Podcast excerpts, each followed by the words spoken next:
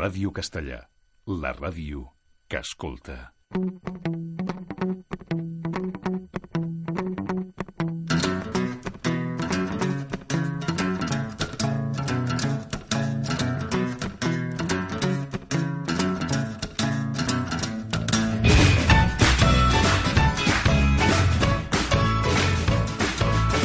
...35 mil·límetres, amb Jonathan Maestre i Josep Prieto. Just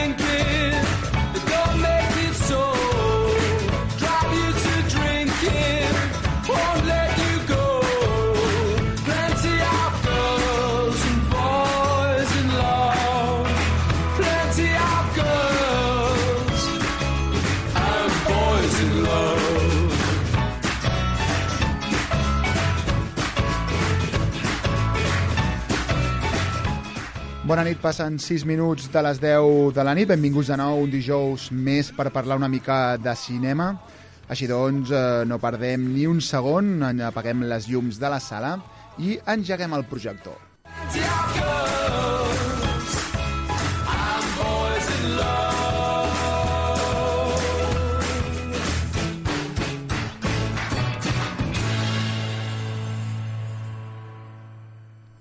La Lego Pel·lícula és una aventura d'animació en 3D basat en el famós joc de peces. Centrat en l'univers del Lego, explica la història de Emmet.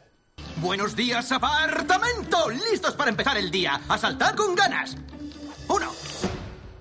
Dos. Tres. Estoy a tope. Bien.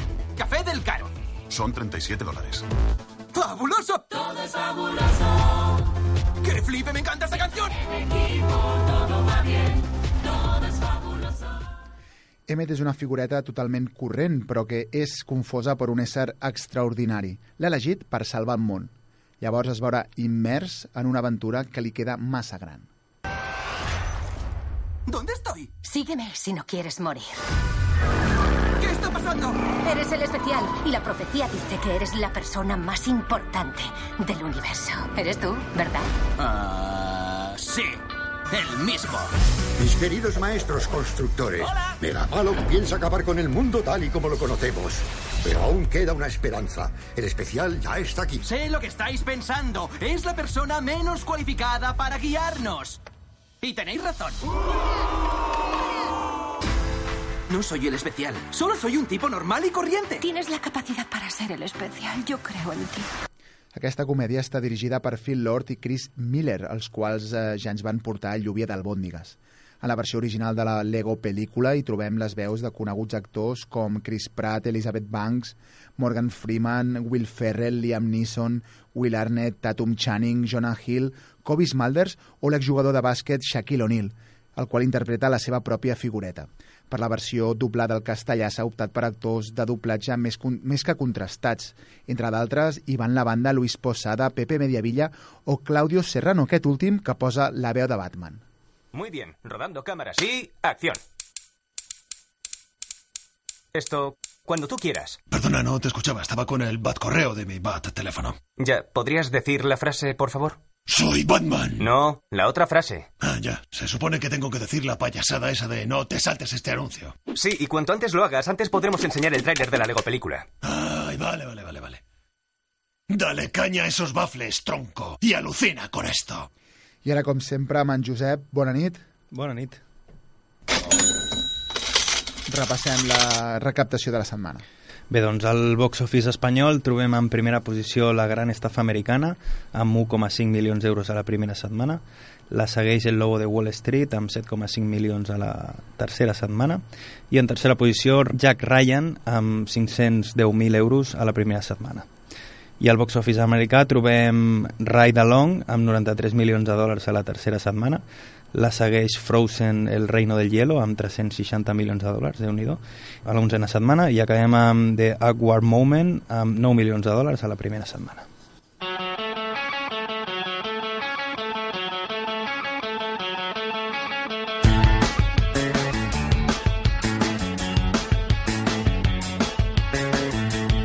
El cinema a Ràdio Castellà és en 35 mil·límetres, amb Jonathan Maestre i Josep Prieto. I don't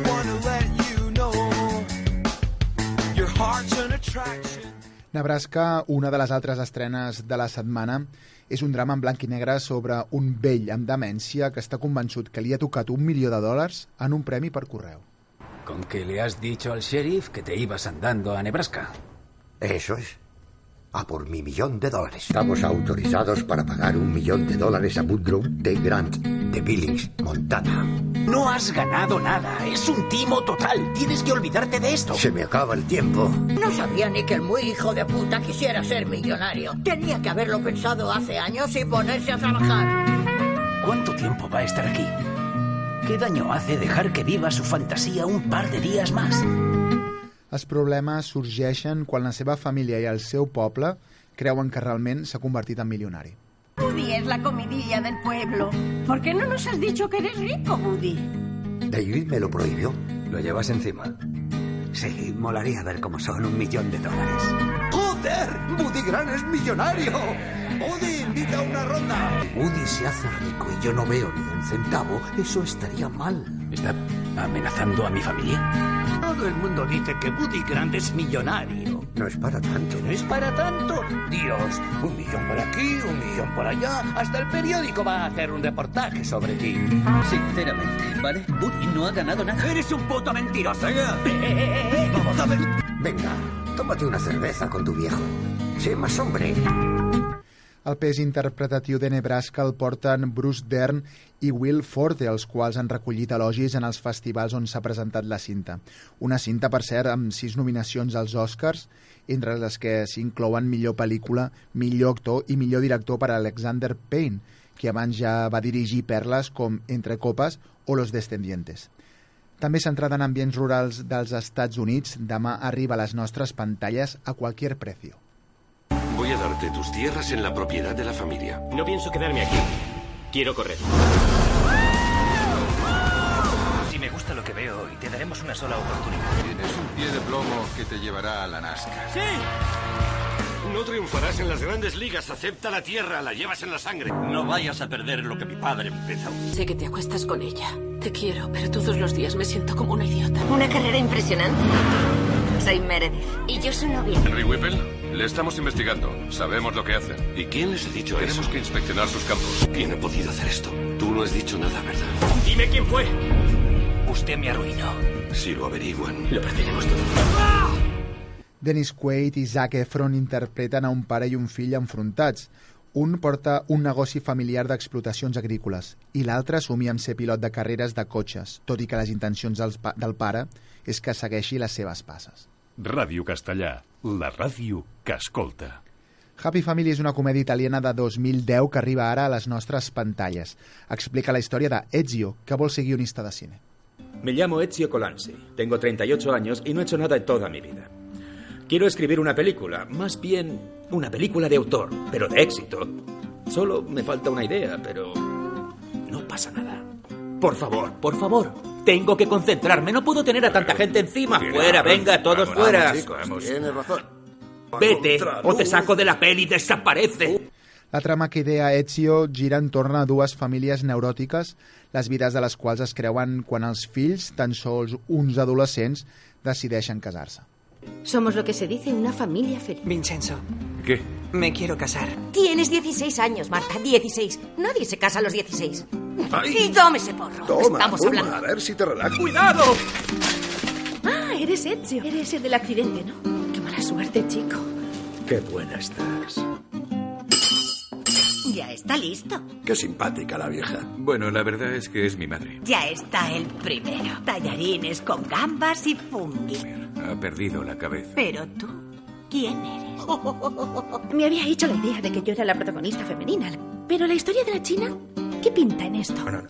L'any 2011, canviem ara de títol, Bruce Willis, Ryan Phillip i el raper Curtis Jackson, més conegut com 50 Cent, van protagonitzar el drama crimin criminal Setup. ¿Cuál es el propósito de un puto interrogatorio?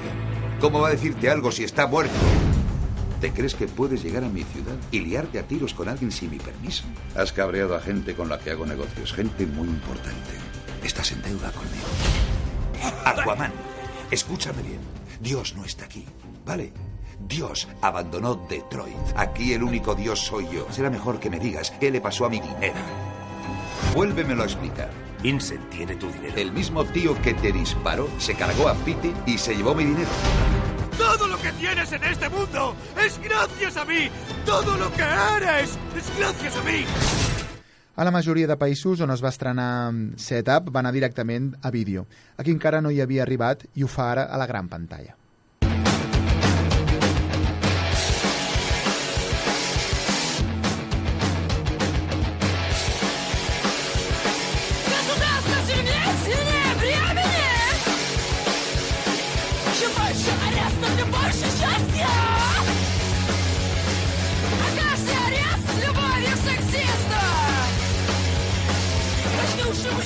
Això que sentim són les Pussy Riot, el col·lectiu de punk rock, eh, de punk, punk rock eh, feminista rus, eh, famós per les seves actuacions subversives i de crítica contra la política de Vladimir Putin i el conservador- conservadorisme de l'Església Ortodoxa ru- russa.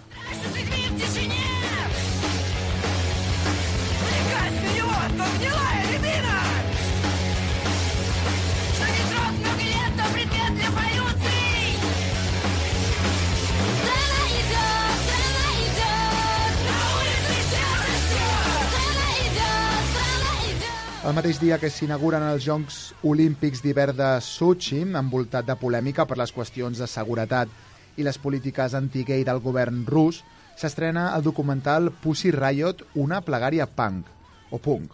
La cinta retrata l'activisme d'aquest col·lectiu i el judici que van afrontar després d'un acte de protesta a la catedral de Moscou al febrer de l'any passat.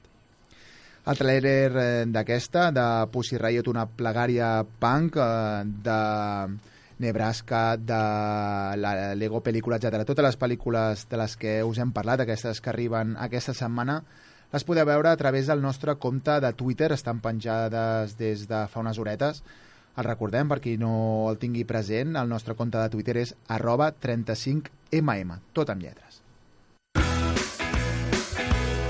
35 mil·límetres, amb Jonathan Maestre i Josep Prieto.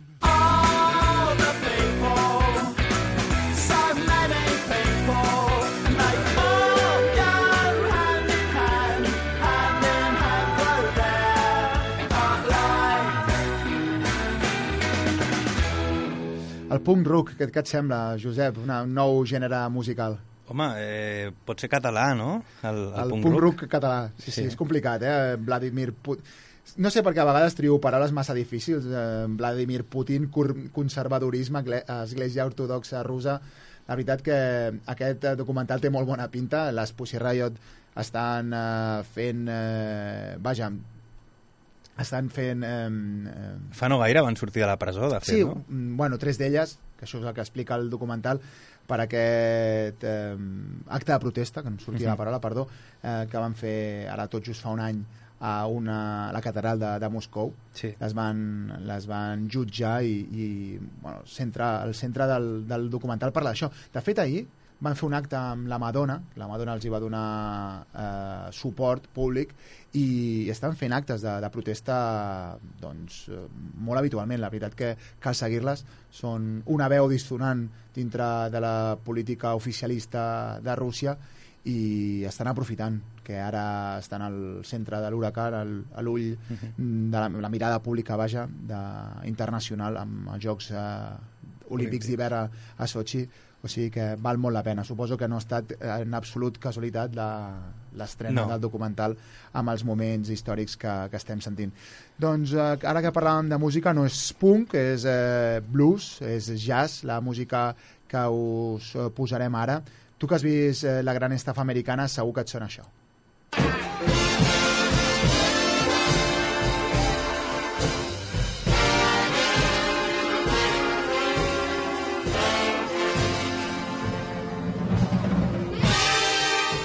Sona, no?, de l'inici de la pel·lícula? Em sona, perquè en aquest moment eh, a, a la pantalla surt el, el Christian Bale amb aquestes pintes estranyes que porta i, i sentint aquesta cançó i fent amb les mans com si sentís realment la, la cançó. És molt divertida la pel·li, eh? Aquest que toca és Duke Ellington, la cançó se'n diu Gyps Blues i, com dèiem, és de la gran estafa americana.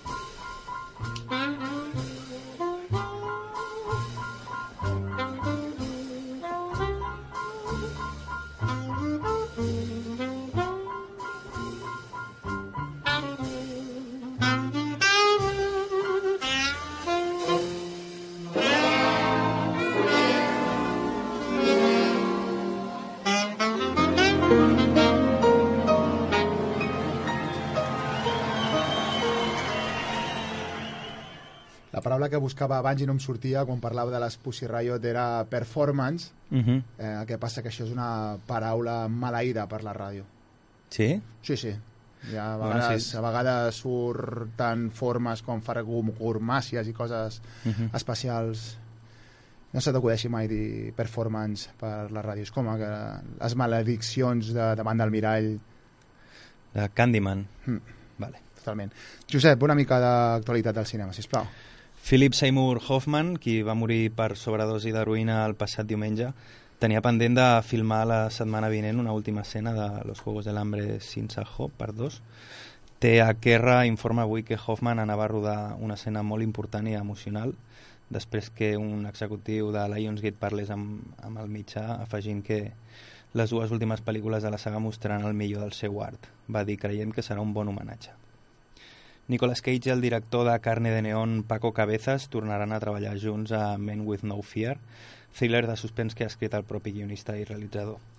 Cage i Cabezas ja havien coincidit prèviament en el que és el tercer film de l'espanyol, que es diu Tokarev, un thriller d'acció rodat l'any passat i en el qual també es deixen veure Peter Stormer o Danny Glover sense data d'estrena coneguda i amb un llançament directe al mercat domèstic com a futur més probable.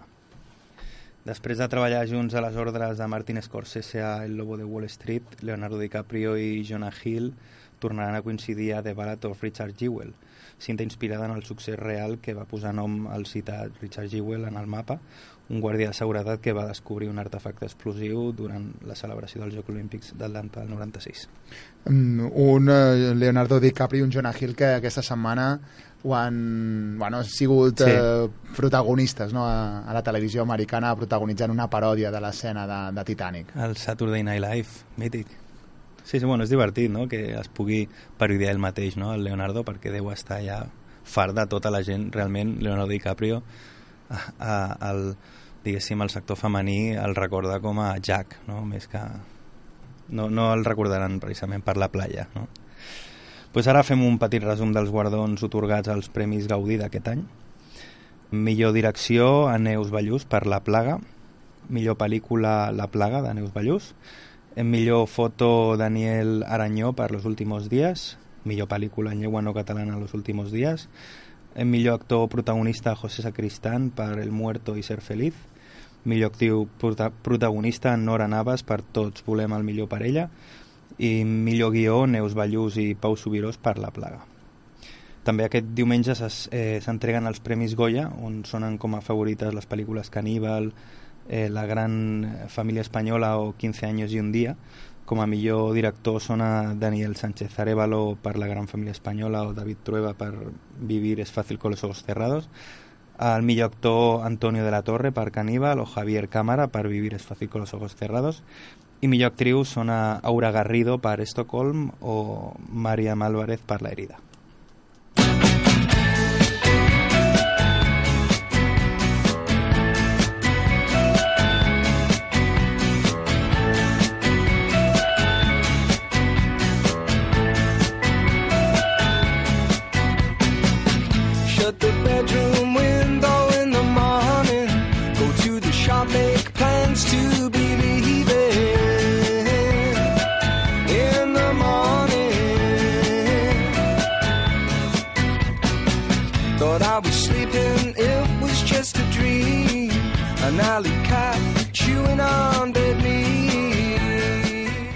Doncs Josep, temps per la mirada enrere. Quan eh, anys enrere ens anem aquest, eh, aquesta setmana?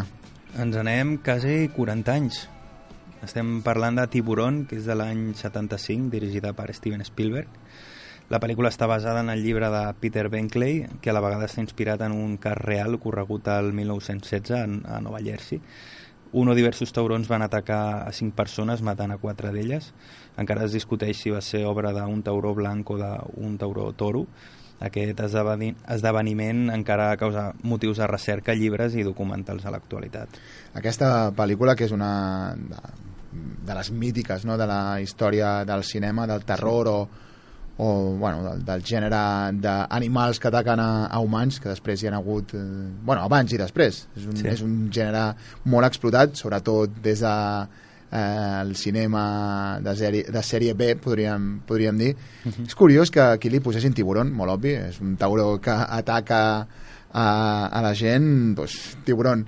I aquí podria haver-hi un títol original sí. totalment, perquè la versió original és Jaws, és, vol dir mandíbules. Jaws, sí, sí. Però que, és curiós que la seva vegada aquí Mandíbules. va haver-hi una pel·lícula Sí. que la van titular Mandíbules, a pel·lícula de finals dels anys 90, 99 crec que, Sí. que és, si no recordo malament, que és un cocodril come hombres, sí. certa barreja l'humor i, i el suspens o el, o el terror. Insisteixo, li van dir mandíbules aquí a, a, en, castellà, Es va quedar al tintero. Va quan, dir... quan, quan realment es diu Lake Placid. Vull dir que mm, Ja, ja se sap. hi ha coses que no s'entenen. Sí. Pues, eh, diverses escenes suposadament amb mar obert van haver de ser repetides perquè al fons apareixen vaixells o petits velers. Todo es cuestión de psicología. Gritas barracuda. Y todo el mundo dice, bueno, ¿y qué? Gritas tiburón. Y cunde el pánico y adiós temporada de verano. A pesar de que va ser una de les pel·lícules més taquilleres de tots els temps, a Steven Spielberg se li va negar a fer la seqüela perquè a l'estudi li va semblar arriscat, a més que podria caure en la repetició. Eh, la pel·lícula amb un pressupost de 12 milions de dòlars va aconseguir recaptar a tot el món 471 milions de dòlars.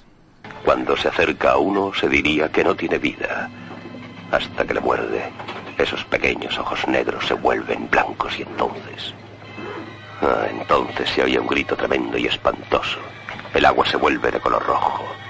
Y a pesar del chapoteo y del griterío, ves como esas fieras se acercan y te van despedazando. Quan a Hopper el fiquen a la gàbia sota l'aigua, a la majoria de les imatges és un especialista el que està ficat a la gàbia i el tauró és real.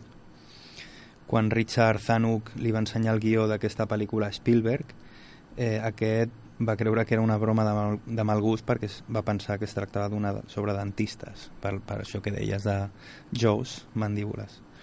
Als estudis Universal a Hollywood encara es conserva el cartell espectacular de la illa Amity, així com una atracció en la qual el tauró mecànic salta d'un llac cap als turistes. És curiós. Sí, t'anava a fer com quan sabia que estaves parlant de, de Tiburón, Mm. m'ha vingut al cap precisament això, un capítol de l'Equipo A, que per alguns motius del guió, ara no recordo què, van Sí. a parar als estudis Universal i, i ensenyen el, Ah, el, sí? el tauró, el tòmat aquest de, obre la boqueta que els... Hòstia, pues seria actualitat pràcticament, no? Perquè l'equip és dels 80, no? Sí, faria, faria uns anys que, que havien rodat la pel·lícula. Sí, sí. Em, és d'aquelles coses que ets petit, realment ha fet molt mal. Sí. Alguna vegada hem bromejat, de- hem fet broma aquí al programa sobre el mal que va fer Tiburón, eh, el mal que fa moltes vegades al cinema, no? El, Sí. el, el, Al- al l'imaginari- teu cap, sí, sí, a l'imaginari popular, vaja. Doncs a mi em va, em va tranquil·litzar molt veure que era, Que no era real, no? que era un autòmat. Molt bé.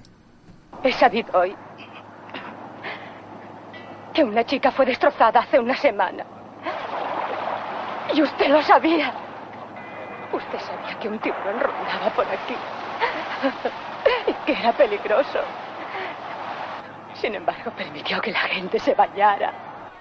Menys mal que estem en ple hivern, Mm. en temporada més de, de neu que no de platja, perquè saps que si no, jo que cada setmana no em banyaria a la platja després de, de parlar de, de tiburon. Jo, jo crec que tota la meva vida estarà marcada per aquesta puta pel·lícula, eh? O sigui, jo vaig al, a l'aigua i no m'agrada no sentir que, que estic trepitjant terra. Allò de- d'estar de, suelto a mi em posa una mica nerviós, eh? Sempre, sempre. pues mira, és considerat el primer blockbuster de la història, tot i que ara mateix blockbuster sigui... Bueno, de fet ja ho vam parlar un dia, no? Que, que el tanquen i... Deixa d'existir serà- com, a, com a cadena de lloguers Fí de pel·lícula. físicament, no? Mhm. Però sí, sí, va ser el primer. Al principi, Zanuck tenia la idea de realitzar aquesta cinta per la tele, però gràcies a la qualitat assolida per Spielberg, que es va estrenar en 400 sales dels Estats Units. Spielberg, que va gaudir de gran llibertat per part de la productora, va demanar que no es mostrés el tauró fins a haver transcorregut una hora de la peli.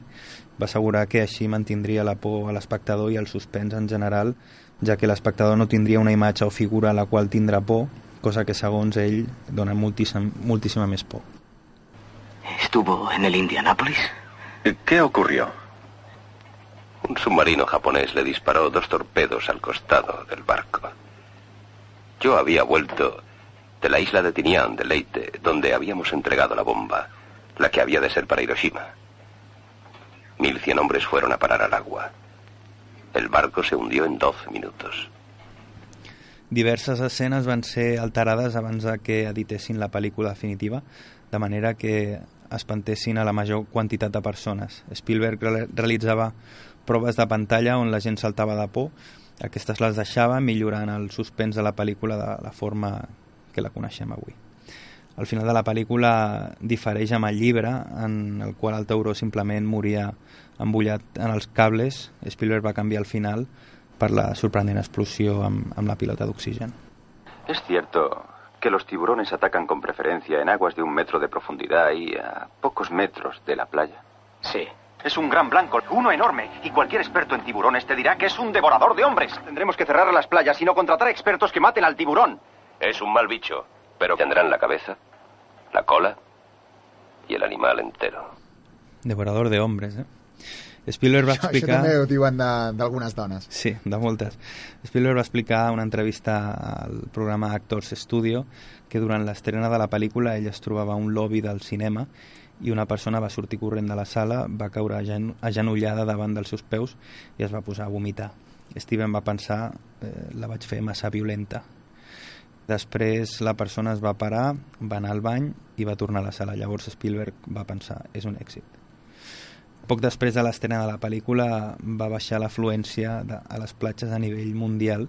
Molta de la gent que anava va assegurar veure esquals mentre nadaven. Totalment. Sí, sí, sí. No, no, però és, és curiós, no?, com pot influenciar el cinema, com psicosomàtic totalment. Sí, sí, sí, totalment. El rodatge, la primera vegada que van introduir el tauró mecànic anomenat Bruce, a l'aigua aquest es va deixar anar dels cables i, i va anar al fons del mar. Dues setmanes després van aconseguir treure'l. ¿Es que no has oído a tu padre? ¡Sal de ahí ahora mismo! Ese tiburón se traga a uno entero. Necesitará otro barco más grande. Mide unos 7 metros. Ocho metros. Y pesará tres toneladas. O sigui que Bruce, eh, el tauró mecànic, Sí, la veritat és que no, no he aconseguit el per què. Suposo que, bueno, la típica conya al rodatge, no? Eh, Li han de posar un nom, Bruce, segurament seria algun de l'equip tècnic o algú. mm, fa gràcia això de mm, tauró mecànic, sembla el toro mecànico de, Sí, de la sí, fèria. Sí. De fet, si si s'hagués fet avui en dia, es podia haver anomenat Puyol, no? La raó de les escenes d'atacs de tauró en les quals es veuen només les cames dels banyistes es van realitzar perquè el tauró mecànic que es va fer servir no surava. A Spielberg se li van ocórrer aquestes preses per donar la sensació de que el tauró estava allà sense haver-ho de demostrar. Un cop contractat, quan John Williams va veure Tiburon, a la qual, com tots sabem, li va posar la banda sonora, va dir amb aquesta humilitat que li caracteritza Déu meu, Steven, necessites un compositor molt millor que jo. Aquest li va dir, sí, ho sé, però estan tots morts.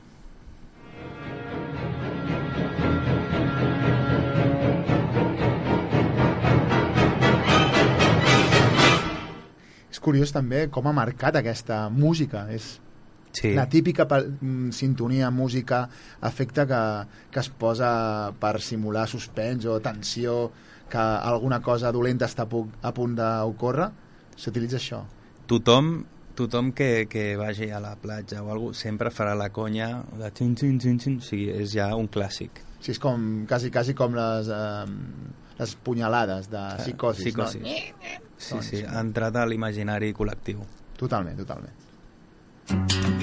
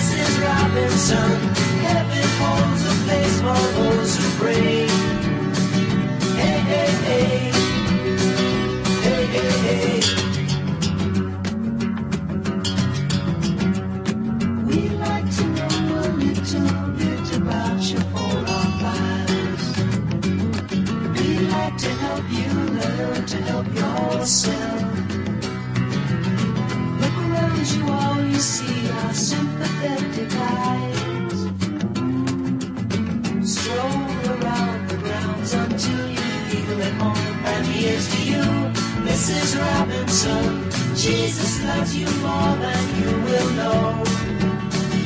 Whoa, whoa, whoa. God bless you, please, Mrs. Robinson. Heaven holds a place for those who pray. Hey, hey, hey. Hey, hey, hey.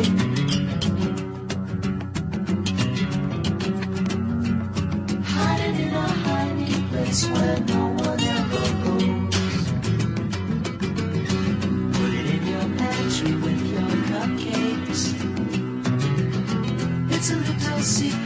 just the Robinsons affair.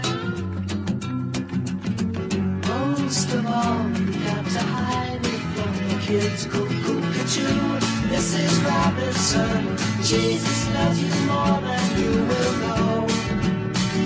Whoa, whoa, whoa. God bless you, please, Mrs. Robinson. Heaven holds a place for those who pray. Hey, hey. Hey,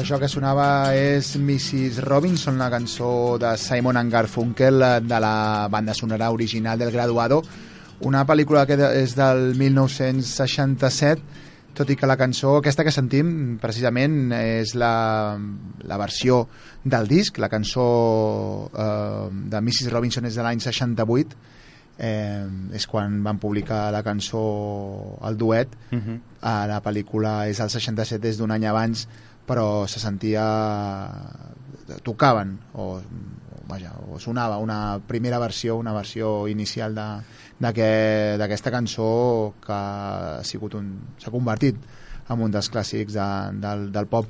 Sí. Cosa que tu, penso, Josep, que no, no estaves fent gaire a la cançó, estaves aquí remenant el pot, Sí, el perquè- pot dels bons moments de, del 12. Clar, això no sé realment si ho fan servir. Anem a veure... Vamos a sacar un papelito. No, hem ver- d'explicar que nosaltres venim a fer el programa a aquestes hores de, del vespre, no, no ens... Eh, A veure. No tenim contacte amb els nois de, del 12, òbviament, perquè estan quasi pràcticament dormint per preparar el programa de l'endemà, i ells tenen aquest poll que a nosaltres ens, ens intriga Anem, moltíssim. anem, Sempre anem a llegir alguna, no? A veure... És un pot dels bons moments. O sigui, la gent aquí posa bons moments seus i els, i els deixa. Un diu... Això m'agrada perquè és rotllo comentaris, no?, originals. Una cosa bona és organitzar salsa bo per a tothom. Novembre 2013. Això ja ha caducat. A veure, anem, anem a agafar un altre i, i ja està, vale? A veure. Un bon moment ha sigut la carpeta de l'avi amb la Josefina Llaurador. Espera, fem una altra, a veure si hi ha alguna mica més... El que realment hem de fer és escriure un, un paper amb, amb un bons moments, eh, posar-lo dintre i a veure si un dia els companys del 12 l'extreuen i, i se'n recorden de nosaltres. Mira, mira aquest. Quan les feligreses m'estimen, després de confessar-me un secret. Mossèn, no sé què. O sigui que aquí... Aquí amago. Aquí, aquí s'ha assegut un, un mossèn.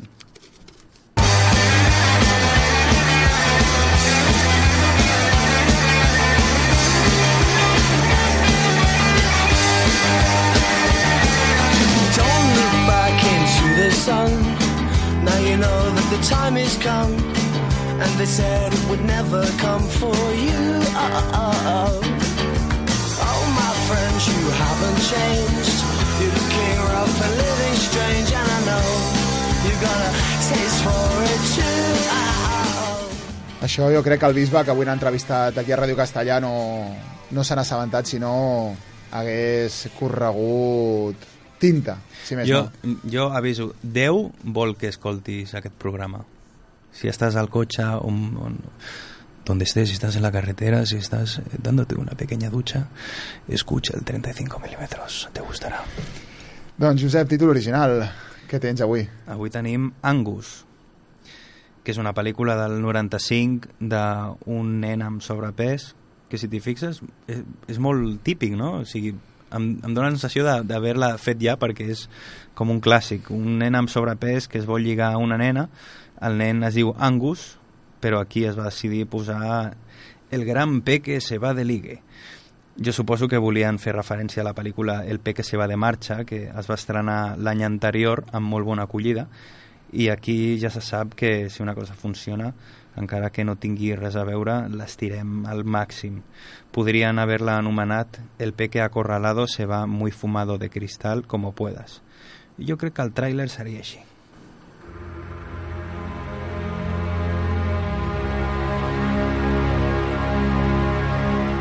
El peque acorralado se va muy fumado de cristal como puedas.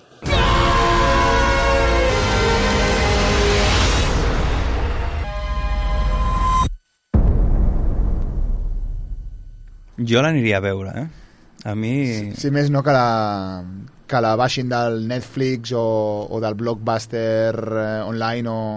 Jo crec que si la busquen la trobaran. A més, tenia pinta de ser èpica, no? De, de, el Peque, pues, el, el Peque és un tio pues, que ha de lluitar per, per sobreviure i té les seves històries, juga una mica amb les drogues... Jo, i... jo crec que el doblador, Mm. aquí posa el locutor que posa la veu en off del tràiler, és el mateix que feia la intro de Desafío Total, que vam posar fa unes setmanes. Podria ser, podria ser.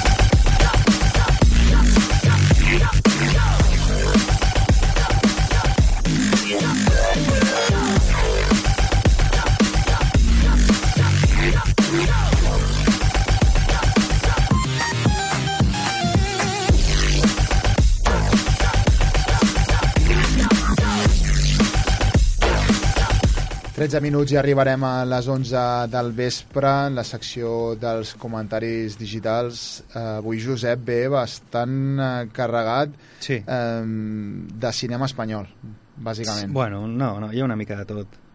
Per exemple, sobre l'arribada d'Alec Baldwin pel rodatge de Torrente 5, eh, un tal Salvemos lo Español diu yo ya le veo un poco de cara de español, le veo un aire a Bertín Osborne. Certament, eh? té, té, una, Sí. té un aire. Sí, sí, tu te, te l'imagines. Buenas noches, señora. De fet, eh, ahir sortia a la tele ahir que la Copa del Rei s'enfrontaven a l'Atlètic i, al, Mm. i al Real Madrid, o millor dit, el Real Madrid i l'Atlètic, Sí. Es veia el Santiago Segura dient-li al, al Alec Baldwin que Mm. havia de dir au pa'Atleti i l'home ho feia, ho deia, ho reproduïa com podia però feia cara de dir que caram està fent aquest home sí, sí. Sí. Sí, Espa- sí sap que és el futbol perquè jo per mi que, que això el soccer hi ha molts americans que saps que no, no, no el coneixen o no els agrada, vaja. Sembla Sí. una, una excentricitat d'europeus. La española diu Cine progre español subvencionado.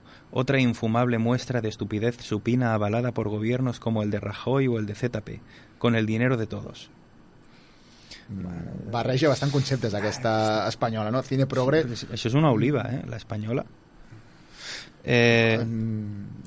Sí? Sí, no, no, estava pensant en l'anxoa, però... Vale. Sobre els germans Pastor i Neus Ballús, que van arrasar els Premis Gaudí, un tal Pulquiano diu Los últimos días es el cine español que me gusta ver, entretenido con un tema interesante y buenas interpretaciones. Del resto solo he visto Todos queremos lo mejor para ella, que es una buena película pero un poco peñazo. Sí, es buena película pero poco peñazo. Bueno, tú, tú a tu bola. Por cierto, Ángel Yassar es para mí el personaje mediático más odioso de los últimos años. Es como Justin Bieber. Lo veo y no sé por no sé què me passa. Me pongo realmente violento. Pues tens un problema, segurament has d'anar al psicòleg, no? Directament. Naranja 3 diu ¿Qué pinta esos premios regionales en la sección nacional? ¿No están hechos para Cataluña en dialecto catalán y para el cine catalán? Pues con su pan, con tumaca, pero tal cual, ¿eh? T-U-M-A-C-A, con tumaca, se los coman. Fuera de la portada de la sección nacional ja... És així, la gent és així. ha d'haver-hi opinions per tot. Em sembla bé. Sí, a mi m'agrada aquesta gent igualment, eh? que, que reivindiquin, sí, això està molt bé. Sobre el guió de Tarantino, eh, que, bueno, ara que es pot trobar a Google i que no el treuen al, als links i tal, un tal Razok diu, aunque Google quiera es imposible, yo lo tengo en mi USB, un, ejem un EGM o de memoria. Yo le diría a Tarantino que haga la película cambiando el final o algunas partes. El principio no es tan difícil y para la próxima no confíes tanto en quién, a quién darle el guión. Sí, sí, aquí qualsevol es considera guionista, eh? Pim-pam, Sí. sí. ja amb material, amb el material pràcticament fet... Però tu, tu Corta- fixa't, no? Aquest tio ha dit, ojo, que això és or. I el tio eh, se'l va descarregar i ràpidament el va guardar al seu disco, va dir aquí, eh, que, que no me'l toquin. Sí, un corta pega i la nueva película de Razok sí. arrasa, mira, ra, ra, arrasa en los razzis Arrasoc. Arrasoc en los razzis sí. tot, tot ve al, al cuento, sí, sí Un tal Rojos de Mierda diu Este Tarantino es un racista antiblanco que no rueda más que basura. Sobre Kill Bill. Acabé harto de las decenas y decenas de primeros planos de pies de su esposa. Este tipo es un fetichista de pies y sus seguidores se tienen que tragar unos primeros planos de pies absurdos. Per què diu de, de su esposa? Si no, de fet, no, no és la seva dona, la Uma Thurman. bueno, potser pensa que desitjaria que fos la, la seva dona no sé. Sí, realment, si tu estàs pensant en, en el fetichisme aquest, és perquè tu tens alguna història al teu cap i perquè si no ni t'ho planteges directament. A part, a veure, tampoc molesta, vull dir que són peus, tampoc és, jo que sé, que, que obrin en canal a una persona i l'ensenyin, no? No sé, no és desagradable tampoc. Pues fins aquí els comentaris digitals. Tachan. Va, posa'm una cançó o alguna. Mm, no, estava pensant... És que a vegades fer comentaris de comentaris eh, pot ser bastant absurd. I estava pensant fer algun comentari sobre algun d'aquests eh, personatges, però crec que ells s'autodefineixen. Aquesta setmana m'he deixat a l'Iman Mahdi. No l'he trobat, l'he intentat buscar i no l'he No? trobat. Ah, jo pensava que potser t'havia amenaçat eh, virtualment. No m'ha amenaçat ni ho tornarà a fer. Ara m'he quedat... Vas veure el Pepe Colubi al Buenafuente? Eh, no, però de fet me'l vaig creuar pel carrer fa un parell de setmanes. Ah, sí? Sí, sí, sí. A on? No ho direm. Respectarem la seva, la seva intimitat. No, bueno, jo sé que viu al carrer... Eh, Bueno, Josep, eh, arribem al final del nostre programa. Com tu deies, posaré una miqueta de música, mm, però abans de res eh, agrair-te la teva assistència, les teves seccions, la teva sabidoria, els teus comentaris, per el teu humor... Casa. Però si no, vull dir que no faig res a aquesta hora, per això m'apropo. Si no... Perquè, de fet, perquè acabem, acabem per veure el Buenafuente, si no ja, ja hagués plegat.